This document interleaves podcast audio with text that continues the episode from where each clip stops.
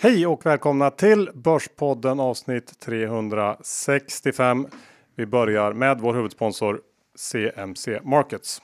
Och det är ju så fruktansvärt och bra att ha ett eh, CMC-konto eh, nu när börsen rör sig hejvilt. Dessutom väldigt roligt att de har börjat med sitt morgonbrev och veckobrev som man automatiskt får om man signar upp sig som kund. Mycket, mycket TA där som jag verkligen rekommenderar folk som är intresserade av det att ta del av. Ja, och vill man smygstarta så är det bara att signa upp sig med demokonto. Eh, kan man testa lite grann, torrsimma. Ja, det är fantastiskt att eh, CMC erbjuder det och även som vi sagt så många gånger är ju helt eh, otroliga på när det gäller ETF-handeln. Ja, där har de ett, eh, ett utbud och ett erbjudande som slår det mesta andra.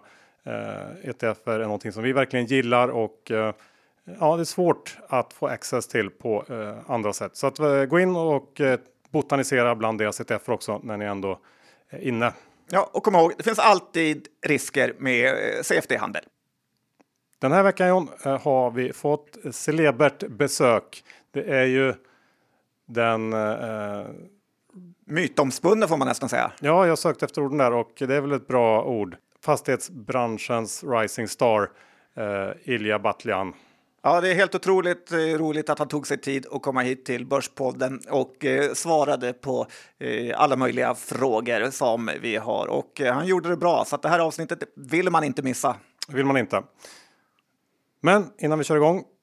Vi är denna vecka sponsrade av bestsecret.se, det hemliga modeparadiset med ett enormt utbud. De har över 3000 välkända varumärken och allting på sajten är alltid rabatterat med mellan 20 och 80 procent. Och John, man behöver också vara medlem för att kunna handla på sajten och inbjudan krävs och en sån kommer ni få av oss. Ja, hur gör man för att få den Johan? Ja, man går in på länken bestsecret.se börspodden. Eh, antalet inbjudningar är begränsat. Ska vi gå igenom lite mer vad som finns där? Som sagt 3000 stora välkända varumärken, alltid mycket rabatt. Jag eh, gillar bland annat eh, utbudet från Gant och Oskar Jakobsson. Vi har handlat en hel del själva eh, ifrån Best Secret och alltid varit nöjda. Ja, jag märkte nu i sommar hur faktiskt stor del av min garderob som kommer därifrån och det är ju fantastiska priser. Eh, nästan sinnessjukt på sina ställen skulle jag säga. Skorna jag har på mig nu kommer därifrån och även solglasögonen jag har stekt runt i Johan. Ja, så det är lite för bra för att bara hålla för oss själva. Så att gå in på bestsecret.se börspodden och testa ni med. Ilja, välkommen till Börspodden. Kul att uh, ha dig här. Tack så mycket, trevligt att vara här. Vad, uh, vad har du gjort i sommar? Det, det, känns som att du är en person som inte tar så mycket semester. Men vad har du gjort? Men med tanke på brunheten är man, eh, känner man ändå att du tagit en del. Absolut, men uh, min brunhet är faktiskt en, uh, det är en väldigt bra påminnelse om att uh, varje handikapp har sina fördelar. Det är nämligen så att jag har psoriasis och, och min fördel är att jag blir väldigt snabbt brun. Så att, och det är därför som jag kan marknadsföra Nynäshamn som bästa platsen för semester. Så att, jag har njutit av Nynäshamn och sen har jag varit några dagar, fyra dagar i Kroatien. Trevligt. Vilken del i Kroatien? Jag har varit i Split. Är Nynäshamn bättre än eh, Split? Nynäshamn är fullt ut jämförbar med Split. Eh, den svenska skärgården är unikt och, och, och det är. Eh, jag hoppas att många har upplevt det i, i sommar och eh, vi hade fantastiskt fint väder i Nynäshamn. Ilja, innan vi går in på SBB så tänkte jag att vi, vi kan ta en, en liten kort sväng med din bakgrund och tidigare karriär. Vad, vad, berätta, vad har du gjort innan? För de som inte vet. Jag har haft eh, förmånen eh, och eh, jobba inom lite olika inom lite olika sfär. Jag har eh, varit eh, nästan tio år i regeringskansliet. Det brukar göra att jag har gjort eh, det mesta utom att vara minister och vaktmästare, men i stort sett allt däremellan. Jag har också jobbat med investeringar, eh, framför allt eh, från, eh, från styrelseplattform. Särskilt stolt över ett bolag som, som heter Cripson, som, ett Göteborgsbolag som, som jag navigerade genom för First North och bad på mina bara knä för att bolaget ska överleva, för att få in lite pengar och sen lyckades Eh, sälja till det till ett amerikanskt bolag eh, som, som Cripson ägs idag av eh, Sixterra som är en, en av världens största datacenterbolag och jag är fortfarande styrelseordförande för Cripson-bolagen och Särskilt glad också att jag har behållit, lyckats behålla 30-tal eh, teknikjobb i Göteborg där fortsatt all utveckling går. Sen har jag också varit eh, heltidspolitiker. Jag har varit kommunstyrelsens ordförande i Nynäshamn. Valdes eh, 2004 och eh, lämnade i början på 2010 för att, för att bli landstingsråd. Och eh, sen har jag sen 2010 eller från början 2011 jobbat heltid med, med, med fastigheter. Innan dess har jag suttit i, i lite styrelse för, vår utvecklingsbolag. Men sen 2010 har jag jobbat heltid. Så jag var först eh, vice vd och eh, hjälpte till att bygga upp Rikshem till Sveriges största bostadsbolag. Och eh, sen hade förmånen att få sparken i december 2015 och, och det är en fantastisk upplevelse. Många pratar om Sverige som en ankdamm, men Ibland är ankdammen har stora fördelar därför att samma dag när jag fick sparken var det väldigt många människor som ringde mig och erbjöd mig jobb och kontor och advokat och, och pengar. Så, så, det, var, eh, det var helt... Men ringde de och erbjöd dig pengar? Absolut, för att investera. Och, och, det är ju fantastiskt för en invandrargrabb att, att det fanns ändå så många som, som tyckte att att någon som jobbar hårt ska, ska få, få hjälp och stöd. Så, så, så jag fick faktiskt kontor, kontorsplats första dagen när jag fick sparken. Så min fru trodde att jag var deprimerad och, och inte ville komma hem, men jag började faktiskt jobba. Så, och, och sen startade jag SBB, köpte första fastighet 1 april 2016. Men hur, hur, ser du på, för du fick sparken för att du, du, det var någonting med egna affärer som du inte hade informerat styrelsen om bland annat. Eh, hur ser du på hela den där eh, historien idag? Ja, men den, den var väldigt, eh, den, den är väldigt lärorik och, och det, den är faktiskt det är faktiskt bakgrund eh, varför jag lärde mig av eh, Wallenbergarna och såg till att ha A-aktier i, SBB. Därför att man får aldrig eh, låta tjänstemännen köra en egen lekstuga. Då, då, kan, då kan det gå åt pipan. Därför att vi byggde upp ett fantastiskt bolag och, och sen blev de statliga tjänstemännen eller försäkringstjänstemännen oroliga. Och, och, och, det som var tur för mig var att man också gjorde en utredning där jag friades fullt ut och, och också tack vare det kunde få med mig väldigt mycket, mycket investerare som ville vara med framåt på resan. Det var en kupp mot dig nästan?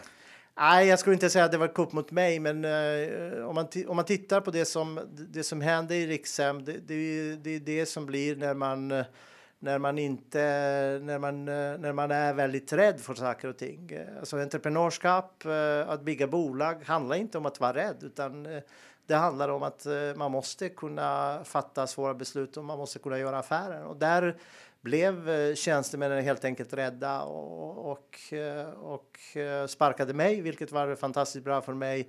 Men det ledde också till en hel del kedjereaktion där det var väldigt många människor, sen som, som också förlorade jobb som konsekvens och, och det där bolaget har förlorat väldigt mycket avkastning som man kunde fått annars. Men innan allt det här så kom du från Jugoslavien till eh, Sverige, eller hur? Ja, jag är född och uppväxt i Montenegro och eh, var eh, och bodde i Bosnien. Jag, när jag var ung flyttade jag. Jag läste först matematik i, i Montenegro. Jag brukar säga att jag faktiskt kan programmera Fortran och Cobol så jag kan fortfarande be alla mina arbetsgivare dra åt helvete och, och knacka kod och, och tjäna några kronor för att jag har mat för dagen.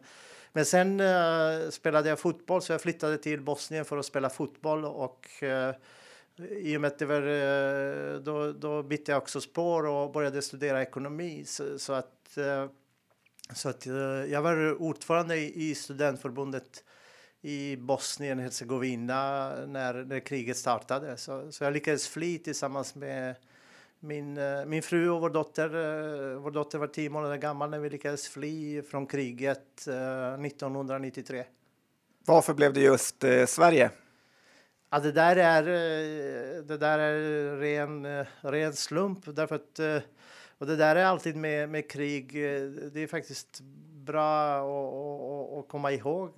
Det, det är just att när vi lyckades fly då, då hade alla länder stängt sina gränser. Så att de enda länderna som hade gränserna fortsatt öppna som man kunde fly till var eh, Sverige, Danmark och Norge. Och eh, att komma till no det enda sättet att komma till Norge var att komma med, med flyget. Och, och eh, vi kom eh, vi kom landvägen till, eh, till Polen, till en liten stad som heter, eller hamnstad som heter Swinoujscie och, och därifrån gick färjorna till eh, Sverige och till Danmark. Och eh, gud förbjude man kunde blivit dansk, men eh, första färjan gick till Sverige, så, så blev det. Ja, det var tur vi fick eh, äran att få dig hit. Tack eh, detsamma. Ska vi, ska vi ta tio snabba John? Ja, men jag tycker att det är dags. Eh, är du redo för att eh, grillas lite grann? Alltid. Bra. Johan, kör du igång? Var kommer ditt startkapital ifrån? Jag fick eh, pengarna från eh, privatinvesterarna som eh, investerade i aktier och aktieägarlån. Men ditt egna då? Du har väl lite egen equity också? I... Ja, mina egna pengar skrapade jag ihop framförallt från IT-investeringar. Min finaste affären var att ägt Framtidsfabriken från 13 kronor till 140 kronor och eh, jag grät när jag sålde på 140 därför att kursen sen gick till 1300. Men därefter gick den till noll så att eh, det var ändå. Det var ändå bra start eh, och sen förstås Kripson och Riksem. Jag får tacka Birgersson för att han bidrog med något. Är du kompis med Jan Emanuel Johansson? Jag känner Jan Emanuel, men jag är inte kompis med Jan. Vad var det bästa med att sitta anhållen? Jag tyckte att uh, det, där var, det där var för jävligt uh, så att uh, det finns ingen bra. Ingenting. Nej. Är kontorsdöden ett faktum? Nej, det tror jag inte att det är. Däremot tror jag att det kommer att vara osäkert på kontorsmarknaden ytterligare 12 månader. Vilken del av Sverige tror du mest på? Jag tror eh, på regionerna och eh, det, det, det, som jag tror händer eh, det är att urbaniseringen kommer att fortsätta. Men det är många som förknippar urbaniseringen bara med miljonstäder. Men urbanisering sker både till Umeå och till Linköping och till Luleå. Så att, jag tror att eh, hela Sverige har goda förutsättningar att utvecklas, men, men jag tror att eh, det är just urbana kärnor som erbjuder service, framförallt till unga människor som är en viktig attraktionskraft. Betalar SBB utdelning bara för att du ska kunna klara räntan på din egna obligation? Nej, SBB betalar utdelning därför att eh, SBB är eh, Nordens eh, tryggaste fastighetsbolag och eh, hela idén med SBB bygger faktiskt på min kärlek till eh, Norden och eh, nordiska välfärdsstaten. Jag hävdar att Norden är den tryggaste plats i världen och då ska man kunna bygga upp ett stort fastighetsbolag som alltid kan betala utdelning. Har du varit nära eh, att ge upp SBB någon gång? Aldrig. Respekterar du John mycket, mycket mer än Johan för att han har varit FN-soldat i Kosovo?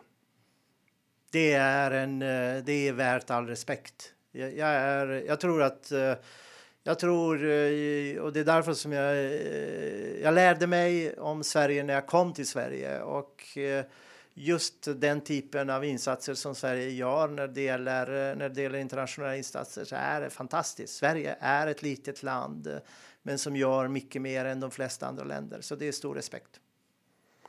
Vad är ditt endgame? När drar du dig tillbaks? Jag kommer eh, inte att dra mig tillbaks. Eh, det, det, är på det sättet att eh, när man ska göra det, då får man skicka ut en, en pressrelease.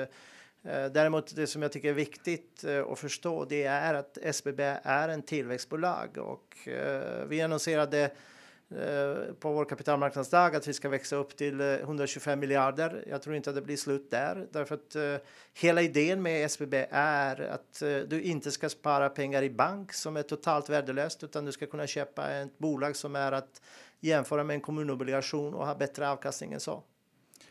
Varför är det så många fastighetsgubbar med i ditt eh, bolagsbygge? Det är jag väldigt glad för och, och, och, och det, det, tror jag är beroende på att eh, de har haft eh, lättare. Det är väldigt lätt att, att, placera mig i en, i en fack eh, av före detta politiker eh, och, och, och, någon som är någon som är nybörjare och, eller någon som tar risker eh, så att eh, jag tror att eh, för, för fastighetspersonerna har varit eh, lättare och, och, och där har de tjänat väldigt mycket pengar på att, att bedöma att eh, jag vet vad jag gör. Ska vi, ska vi gå in lite mer specifikt på SBB som är grundat i mars 2016? Ni hade här i samband med, med när man läser Q2 73 miljarder i mm, fastighetsportföljen i värde. Um, det har gått snabbt. Det är ju, är ju en sån här klassisk grej som man slås av när man pratar om SBB. Ehm, kan du inte berätta lite om resan och, och ja, hur, vad er modell är och vad ni, vad ni vill bygga så att säga? Alltså det, vi, det vi gör egentligen det är eh, att vi bygger bolag och, och jag har haft förmånen att, flera, att bygga upp fler bolag och att bygga bolag är att bygga en, en plattform.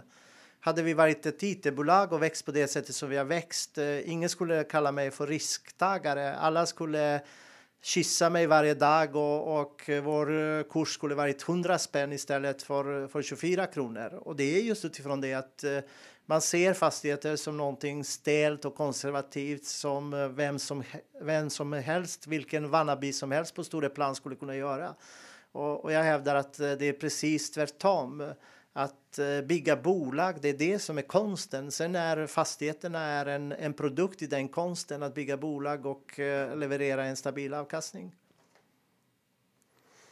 Men, men det här med att det, det, att det ändå har gått så fort. Det är ju ändå en om man tänker på fastigheter, det är ju någon slags. Eh, Men du är tillbaka, du fastnar i ja. samma och det där, det där är viktigt därför att eh, det där är, det där är en väldigt viktig fråga för, för mig därför att eh, jag kom eh, till fastighetsbranschen eh, egentligen. Eh, eh det hela började. Jag har doktorerat på matematiska modeller för att, för att skatta framtida eh, behov av vård och omsorg och Eh, och innan dess eh, fokuserade jag väldigt mycket på it-bolag och, och, och, och har jobbat. Jag var delägare i, i Intelligent som vi sålde till ett indiskt bolag. Jag var delägare i, i, i eh, Upgate och sen eh, Cripson i, i, i nästan eh, 15 år. Eh, numera del av ett, eh, av ett stort amerikanskt bolag och, och, och i it businessen eh, fokuserar man eh, på, på en väldigt central del från mitt perspektiv och det är det som man kallar för eh, recurring revenue en gång i tiden. Nu brukar man prata om SaaS eller, eller vad fan det heter, jag på att säga. Men det är, i, själva basen handlar om återkommande intäkter. Och, och fastigheter är återkommande intäkter och för att du ska få återkommande intäkter då måste du ha en sak. Du ska inte ha någon churn som det heter vackert på it-språk. Det vill säga att du ska ha långa fläden. Och, och, det, är det, som, det är det som SBB har. SBB har fantastiskt långa flöden. Vi har ett snitt på, på hyresintäkterna på, på sju år efter de senaste avtalen som vi annonserade efter Q2. Jag tror att vi snittar mer än tio år. Vi, vi har nästan ingen churn. Och eh, när du har en sån stark, eh, stark bas, då är det bara din plattform som bestämmer tillväxten.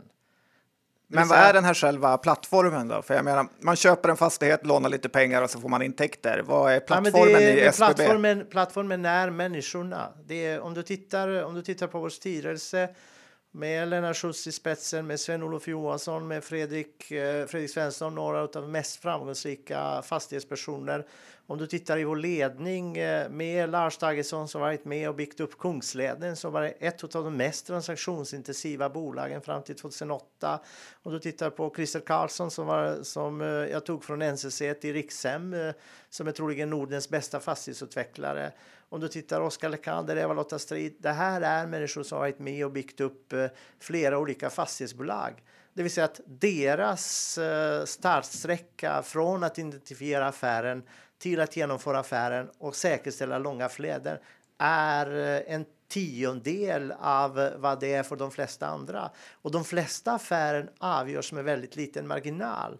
Och då är det otroligt viktigt att ha både kunskapen att bedöma affären men också kunskapen att se till att förvaltningen fungerar från dag ett. Men jag tänker it-bolag och sånt du pratar om eh, har ju enorm skalbarhet medan fastighetsbolagen, ni har liksom de hyresgästerna ni har. Där har du helt fel. Och det är det som vi har visat. Hade vi varit ett it-bolag då skulle du sagt att eh, vi har haft en enorm skalbarhet när jag, när jag startade bolaget. Och jag hävdade att jag hade enorm skalbarhet när jag startade bolaget. Därför att jag hade de bästa människorna. Jag hade infrastrukturen och kunskapen hur processer och, och eh, finansiering med mera fungerar. Jag visste exakt hur jag ska göra med rating och det är också en sån grej som de flesta har förlorat pengar därför att ingen trodde och sen är det många som har tjänat pengar därför att det var väldigt få som trodde att vi skulle uppnå vår rating.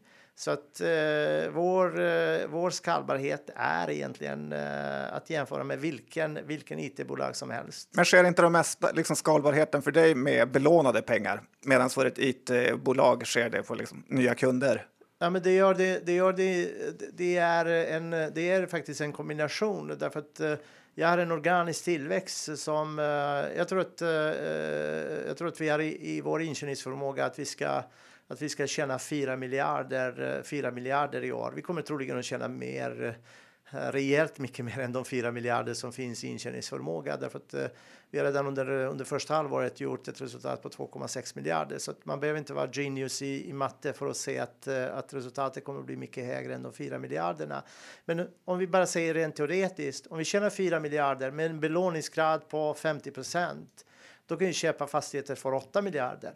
Köper vi fastigheter för 8 miljarder då tjänar vi ytterligare bara på ytterligare på bara från eh, från driftnet och säg att eh, säg att man gör det på på 4,5 procent. Då har man eh, 360 miljoner. Då har man 360 miljoner till. Alltså, jo, men säg att räntan går upp 2% då är hela kalkylen, och det, ja, då det, går allt i konkurs istället. Nej, och det är det inte, därför att, därför att det är på det sättet att uh, vi har en uh, räntebindning på, vi har en räntebindning på fem år. Vi har alla, alla våra, det betyder att vår kassaflöde är egentligen perfekt inboxad.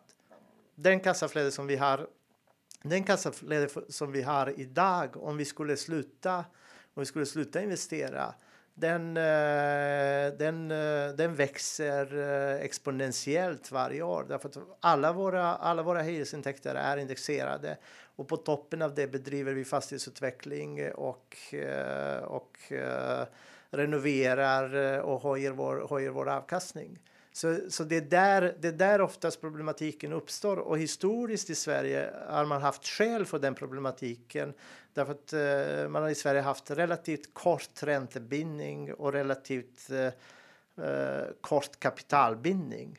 Vi var bland de första som eh, i alla fall av noterade bolagen som tryckte till eh, vår senaste obligation. Vi har gjort den största fastighetsobligationer någonsin i Norden givet längden. Vi gjorde 750 miljoner euro i februari på sju och ett halvt år på en eh, ränta på 1 procent all in. Och, och, och, den, eh, och du, kan, du kan tänka dig bara ränta på ränta givet eh, att inflationen är 2 eller en och en halv på, på sju och ett halvt år. Det blir en, det blir en extremt värdeskapande. Men en annan sak jag tänkt på vad gäller ditt eh, bolagsbygge är ju att eh, förmodligen sitter mycket av värdena i kontraktet. Säg att eh, polisstationen i Bålänge eller något boende i Falköping säger upp kontraktet så är fastigheten värt eh, ingenting nästan. Vad säger du om det? Alltså det, det, där är, det där är en viktig poäng. Först, om vi tar den första när det gäller samhällsfastigheter det är nästan ingen churn, det vill säga det är nästan ingen som lämnar. Så det är Uh, när uh, Lasse Tagesson och Jens Engvall tittade på, på, på det här för ett antal år sedan uh, på hemfosa-tiden, de, de kunde konstatera att de här kontrakten låg någonstans kring dryga 30 år. Så att, eh, det är den första delen. Framförallt när det gäller äldreboende, skolor och, och den typen av kärninfrastruktur. Du, du, har, eh, du har kontrakten som är mycket längre än den faktiska kontraktstiden. Men sen kommer, sen kommer den, den andra punkten. Varför är tillväxten viktig? Äger du en fastighet, då har du en stor risk. Äger du hundra fastigheter, då har du mellanrisk. Äger du 1500 fastigheter, då har du ingen risk. Eller den är, den är så nära noll man kan komma. Och det är bland annat därför som Sagax eh, betalas med 100 premie. Det är, det är väldigt eh, och, och, och, det, där är, det där är också väldigt, eh, väldigt viktigt att diskutera. Vilken, eh, att tillväxten är också en riskdiversifiering givet att du har trygga och långa flöden. Har David Mindus varit någon typ av eh, förebild med de här långa bindningstiderna? Alltså? Jag tycker att David Mindus eh, är en av de eh, vassaste personerna i fastighetsbranschen och, och han har gjort det exakt, exakt enligt boken som man ska göra. Varit innovativ på finansieringssidan och framförallt skapat eh, långa, långa fläden och eh, väldigt stor bas, stor fastighetsbestånd, vilket minskar risken för varje dag som går. Vem är bäst, han eller du? Nej, men jag är fortsatt nybörjare. Jag har väldigt mycket att lära mig från både Sven-Olof Johansson och Fredrik Svensson och Lennart Schuss och David Mindus och många andra. Jag tänkte om vi går tillbaka till de här samhällsfastigheterna som ni fokuserar på så, så en annan eh, sak man tar upp är väl att, att det, det, är väl säkert just för att man har en säker betalare i grunden kommuner eller vad det nu kan vara. Mm. Men hur, hur, ser man på det här med att ja, det, det rapporteras om mer underskott i kommunerna, en del har svårt med, med ekonomin och så vidare. Hur, hur ser du på den risken? Ja, det, vi, det vi gör, eh, det är faktiskt ingen risk utan snarare en möjlighet för oss. Därför att det vi gör, eh, det är att vi tillför till kommunerna, eh, inte bara kapital. Man kan alltid argumentera att en kommun kan alltid eh, låna billigare utan eh, samtidigt ska man ha respekt för balansräkningen. Också en kommun har en balansräkning och behöver hantera behöver hantera sina investeringar och oftast, eh, oftast eh, lånar på en marknad som kan, eh, som kan gå upp och ner. Men om man lämnar den, eh, den delen, det är två viktiga saker som vi tillför till kommunerna. Den ena är eh, när det gäller att ha en eh, bred bas av, eh, av människor. Vi är 300, 300 anställda som enbart jobbar med fastigheter. När vi behöver göra någonting i, i Luleå, då kan vi se till att de från Skåne kommer till Luleå om det behövs. Och vi ser det framför allt när det gäller, eh, eh, vi, vi, vi, brukar inte annonsera små affärer, men men vi gör en massa mindre LSS-affärer där eh, vi är 20-25 procent billigare än kommunen själv kan, eh, kan upphandla till exempel en bygge av en LSS.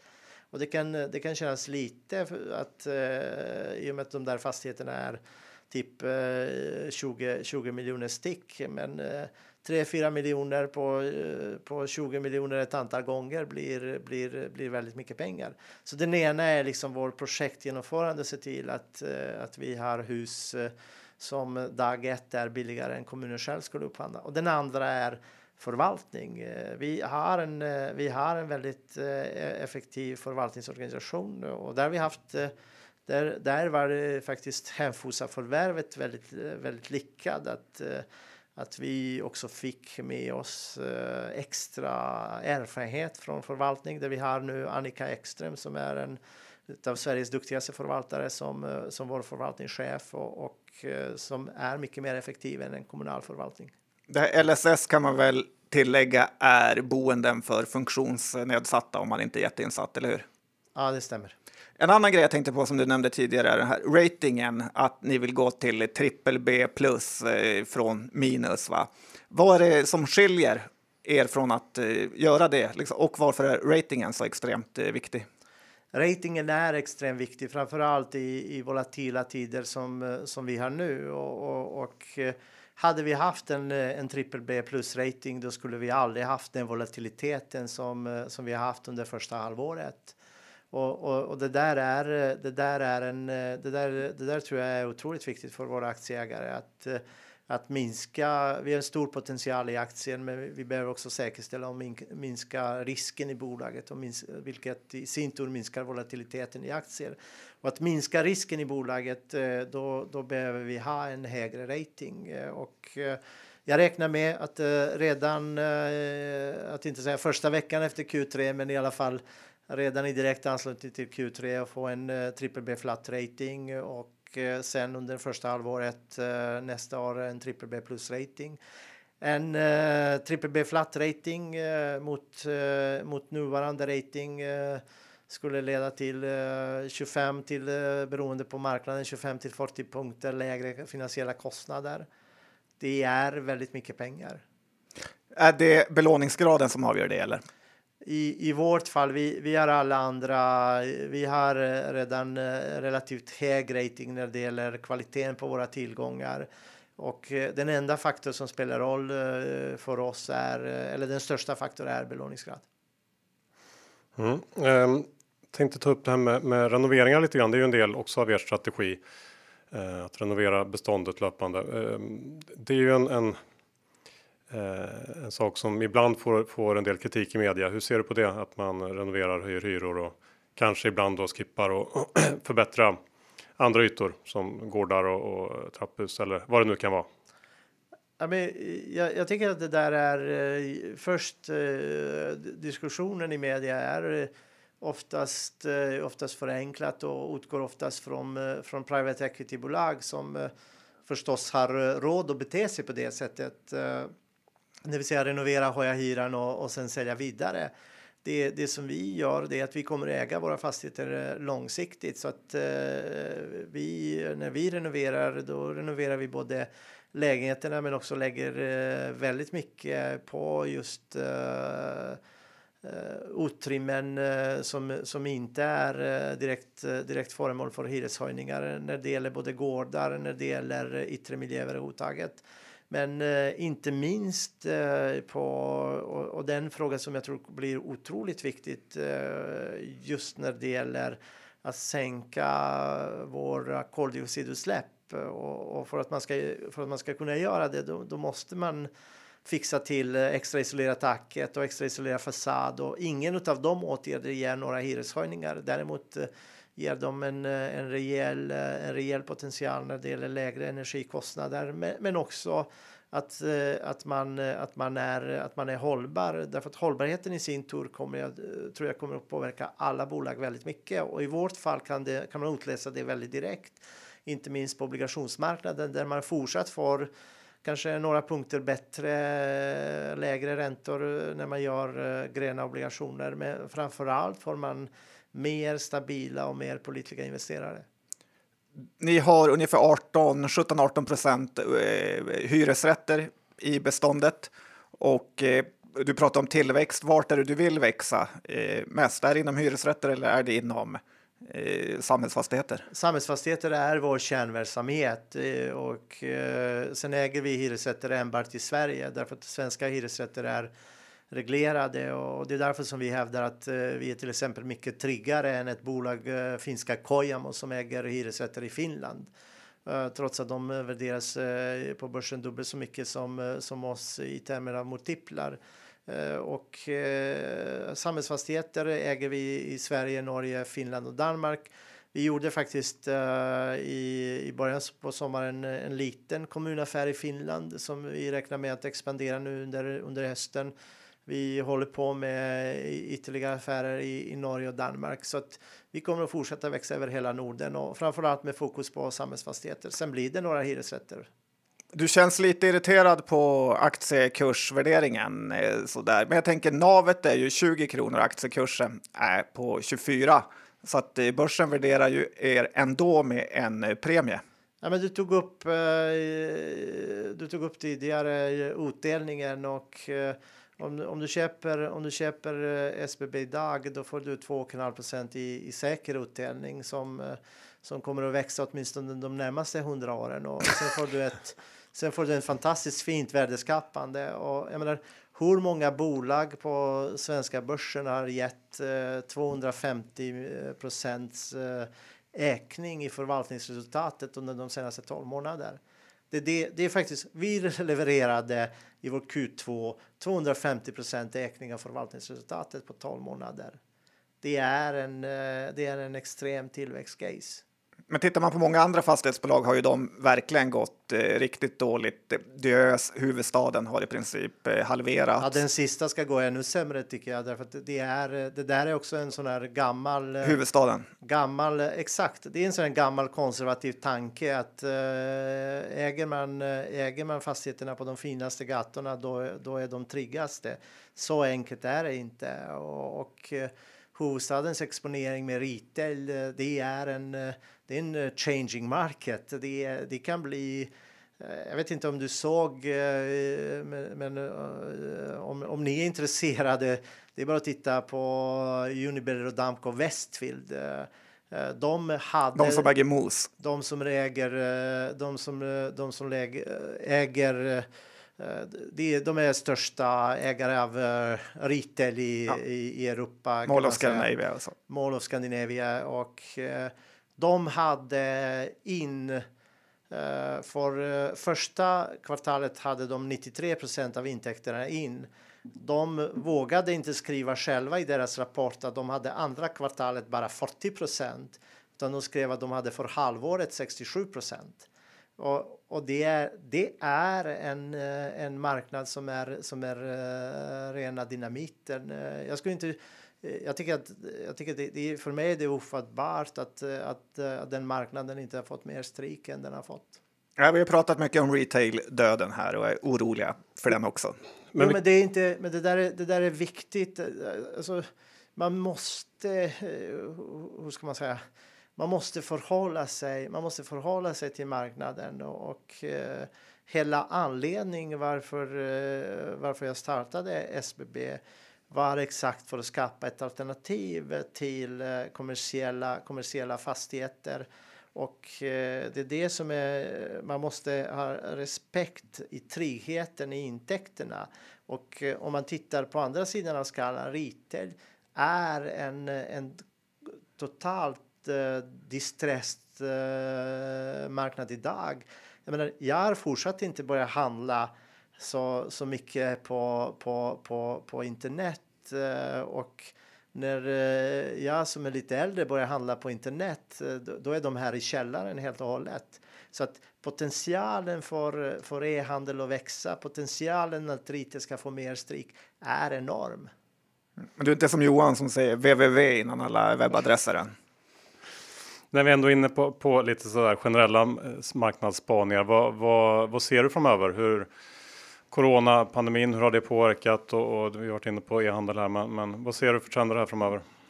Nej, men jag, jag tror att retail måste få mer stryk eh, och, och, och, eh, för mig är fortsatt ofattbart att de värderingarna håller sig överhuvudtaget. Eh.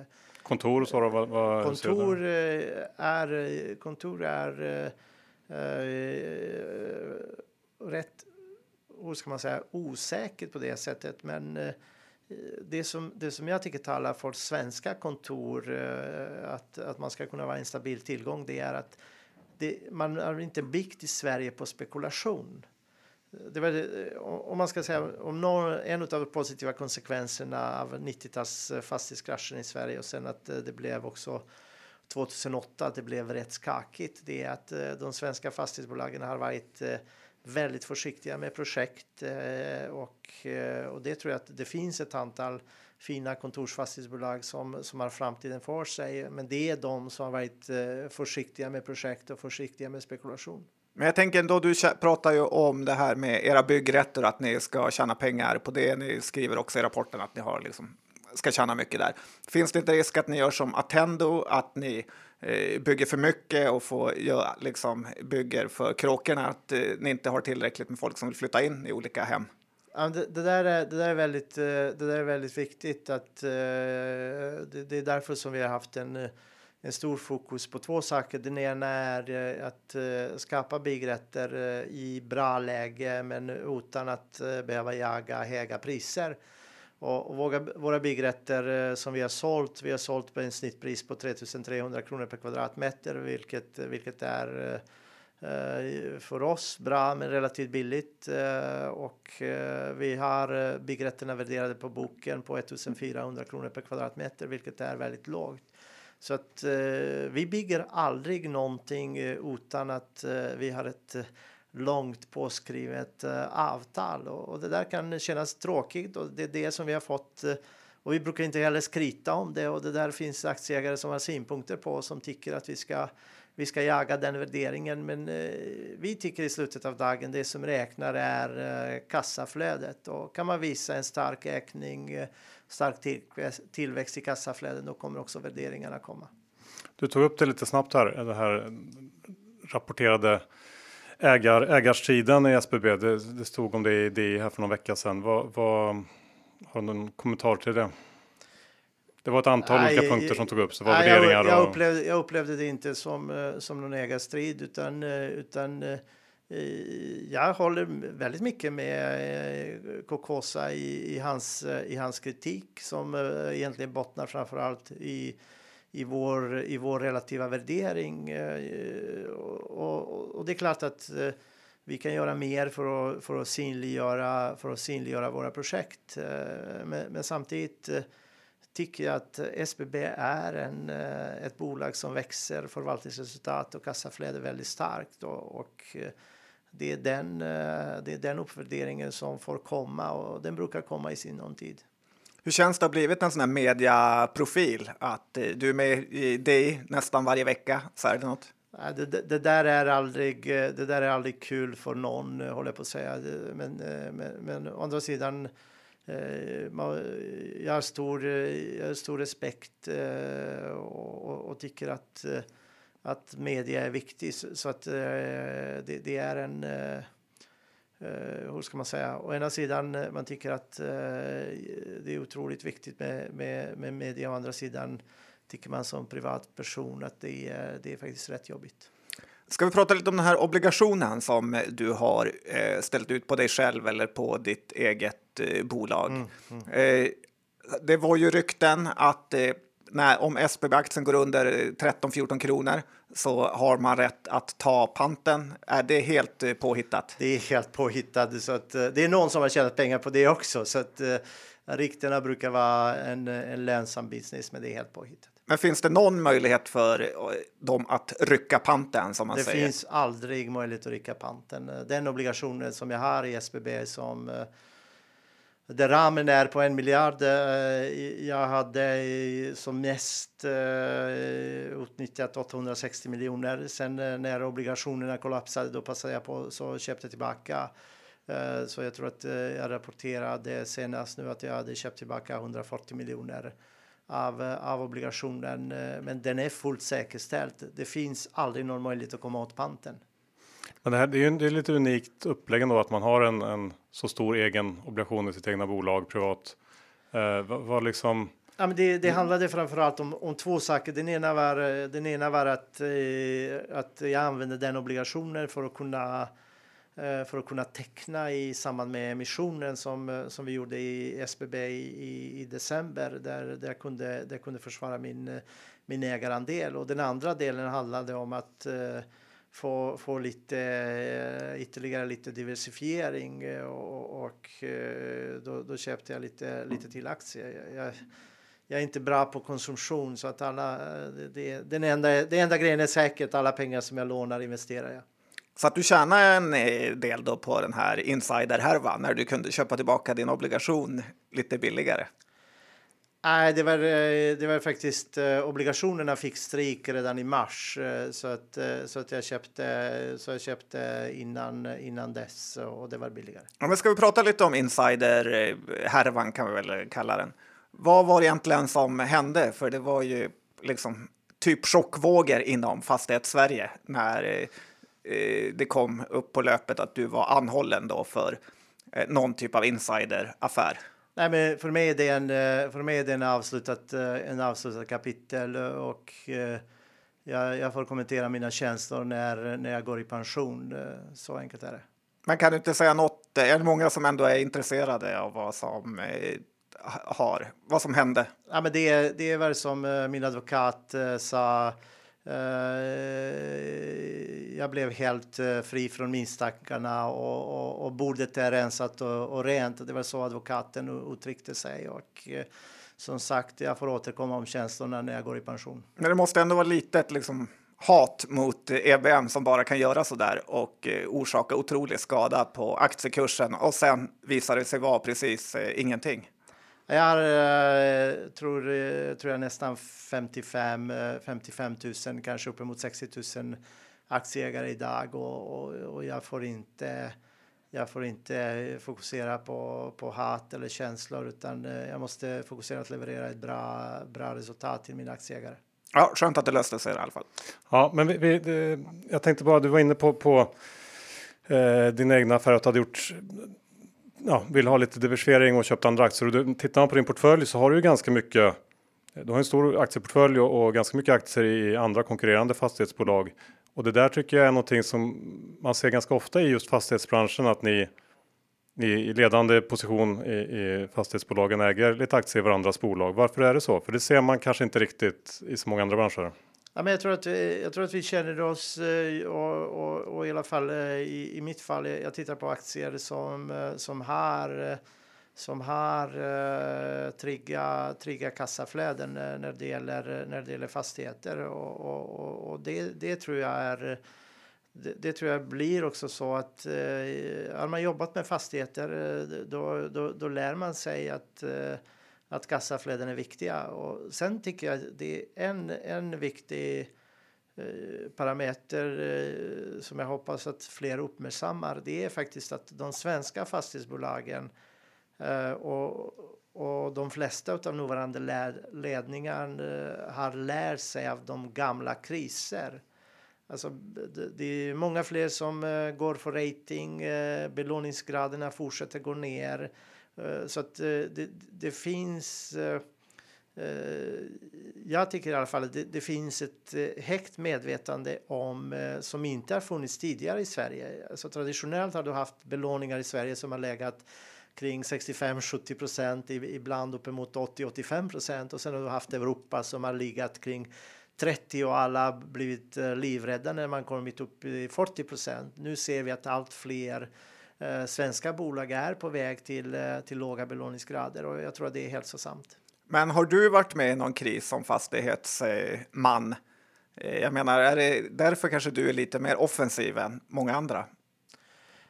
Ja, nej, men jag kunde se krisen eh, 2008 på, på, på, på nära håll och, och, och jag var faktiskt eh, involverad när, därför att eh, som sagt, eh, jag funderade redan 2000, 2009 eh, att starta mitt eget fastighetsbolag och, och kunde se då hur, hur, hur man reagerade och, och, och var också i, på en liten kant också när, när Hemfosa bildades. Så att, eh, jag har haft eh, lång historia att kunna följa, kunna följa det, det, det bolaget.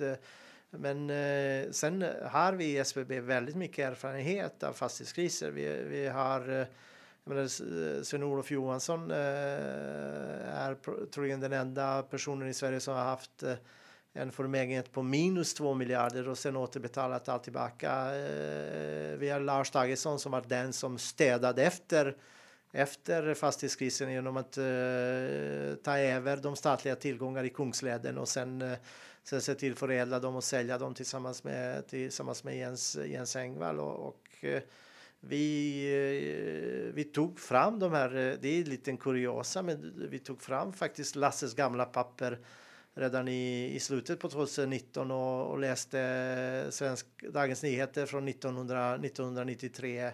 Och, och det var bland annat därför som vi tryckte till med, med den stora obligationen på 750 miljoner euro på sju och ett halvt år. Därför att kriserna kommer och går, men eh, kriserna är till för att hanteras. Och, och, och, det där tror jag är faktiskt ett, ett samhällsproblem idag, att eh, ordet risk har, har fått, eh, har fått eh, fel innehåll. Hade ni två inte riskerat då skulle ni aldrig starta den här podden. Då kunde ni haft någon, eh, någon fin tjänstemannajobb och, och eh, ni kanske inte skulle blivit lyckligare för det men, eh, men ni skulle å andra sidan inte heller bidragit mer. Så att jag tror att, eh, jag tror att det är ett samhällsproblem att, att man inte diskuterar vikten att riskera, vikten att eh, skapa nya bolag, vikten att skapa, att skapa nya jobb. Det är inga byråkrater som skapar jobb. Nej, kul att få beröm av dig här. Jag tänker på en sak. Hur liksom rik och hur ser din ekonomi ut? Man ser ofta flashar nu har Ilja varit och köpt aktier för 5 miljoner eller 10 miljoner kommer det. Det känns som att det är obegränsat med eh, pengar. Stämmer det? Det stämmer inte alls, utan, eh, utan eh, det, det, som, det som handlar för mig det är att, som jag sa tidigare, varje gång och, och, och jag har gjort eh, obligationen i, i, i mitt ägarbolag just för att kunna investera. Så att eh, jag har inte liksom... Eh, jag eh, eh har det bra in i jag på att säga. Så att jag, jag behöver inte jaga någon konsumtion, utan, eh, utan eh, allt, allt jag gör och allt utrymme som jag frigör jag återinvesterar alla mina utdelningar. Eh, så att det, det är själva... Alltså, skapar man bolag, det, det är liksom... Det, det, jag tror att det är viktigt för unga människor att att eh, viljan att bli rik är fel väg. Man måste vilja skapa någonting, då, då ordnar sig resten. Och, och, och sen är vi olika. Jag, menar, jag, jag är eh, liksom jag är besjälad av, av det jag gör och, och, jag känner att jag nästan, nästan en uppgift också som, som mitt sätt att, att, eh, att betala tillbaka till, till det här samhället som, som såg till och, och, och gav fristad till, till mig och, och, min familj att, att fortsätta investera. Men man, man, man är olika, men, men jag tror att, eh, jag tror att man eh, ska alltid fokusera på att, på att bidra med någonting och skapa något i första hand. Du är mer än du tar, som jag och Johan brukar säga, men inte följer. Men det här med att du, du, du handlar ganska, eller i alla fall om man tittar på, på då ticken och ibland kommer ut att som du John sa att, att du har köpt aktier. Det känns som att du handlar ganska mycket aktier. Ser du något problem med det? Att, att eh, bara kanske att bilden av det ja, späds på det här med transaktionsintensivitet, cowboy stämpeln och så vidare. Ja, men jag, men jag, jag börjar bli tillräckligt gammal för att, eh, för att jag inte bryr mig om, eh, om bilder, utan eh, jag tror att det viktigaste är att att man presterar resultat och, och, och, och det där är och, och, sen känner jag också att jag, menar, jag kan inte komma till till och, presentera SBB och tycka att SBB är ett, ett bolag med, med fantastisk potential och sen ska jag själv gå och gömma mig och, och, inte, och inte köpa fler aktier. Det, det, det, det tycker jag liksom jag, jag håller helt med dem eh, som, eh, som pratar om, om pilotskolan. att man ska få pilotskolan. Så att om, om du ser att någon säljer, spring för fan så fort du kan. Så enkelt är det. Vad skulle du säga att du har som andra inte har? Vad är du som har att, vad, vad kan du se som ingen annan ser? Ja, men det, det som jag tror att eh, varit viktigt för mig det är att, eh, att jag har haft, eh, att jag har haft eh, eh förmånen eh, och, och, att eh, leva genom olika situationer i livet. Eh, jag har både överlevt ett, ett krig och, och, och, och lyckats fly tillsammans med min familj. Jag har suttit i en källare och hoppats att bomben träffar grannens tomt så att eh, då, då vet jag liksom vad sannolikhetsteorin är värt i, i en sån situation och, och, och, och samtidigt som, eh, som jag har haft både en, eh, en eh, vanlig karriär. Eh, jag har haft också en akademisk karriär där jag doktorerat och, och jag har haft förmånen att också tjänstgöra som, som, som förtroendevald och också gjort min samhällstjänst på, på det sättet. Så att, och, den stora rikedomen av allt detta är faktiskt inte pengar utan det är väldigt mycket människor som jag har mätt och det är väldigt många som, som jag har lärt mig av. Och, och det är framförallt Tittar man, eh, tittar man på, på, på SBB, det är väldigt lätt att fokusera på mig, men, eh, men jag hävdar att eh, vi har eh, en eh, enorm erfarenhet och, och, det är bara att nämna namnen som jag sa tidigare. Lennart Schultz, Sven-Olof Johansson, eh, Fredrik Svensson, eh, Eva-Lotta Strid, eh, Lars Dagesson, Christer Karlsson, Oskar Lekander. Man skulle kunna fortsätta köra på det sättet. Så att, jag tror att just det där att uh, klara av att bygga bolag och, och, och få människor som jobbar tillsammans uh, är det viktigaste jag kan. Lite så här på slutet. Vad hade du gjort om det inte hade varit fastigheter? Jag tror att jag skulle fortsatt eh, och eh, jobba med IT-bolag eh, därför att det, är ett område som som, som jag brinner för och, och det är en riktig samhällsomdaning som, som sker och, och Corona visade också hur viktigt, hur viktigt den utvecklingen har varit. Hade vi inte haft de verktyg som vi har haft, då skulle konsekvenserna av coronan troligen blivit, blivit mycket större för samhället. Absolut. Ilja, eh, stort tack för att du kom och träffade oss här på Börspodden. Tack så mycket. Tack för att jag fick komma.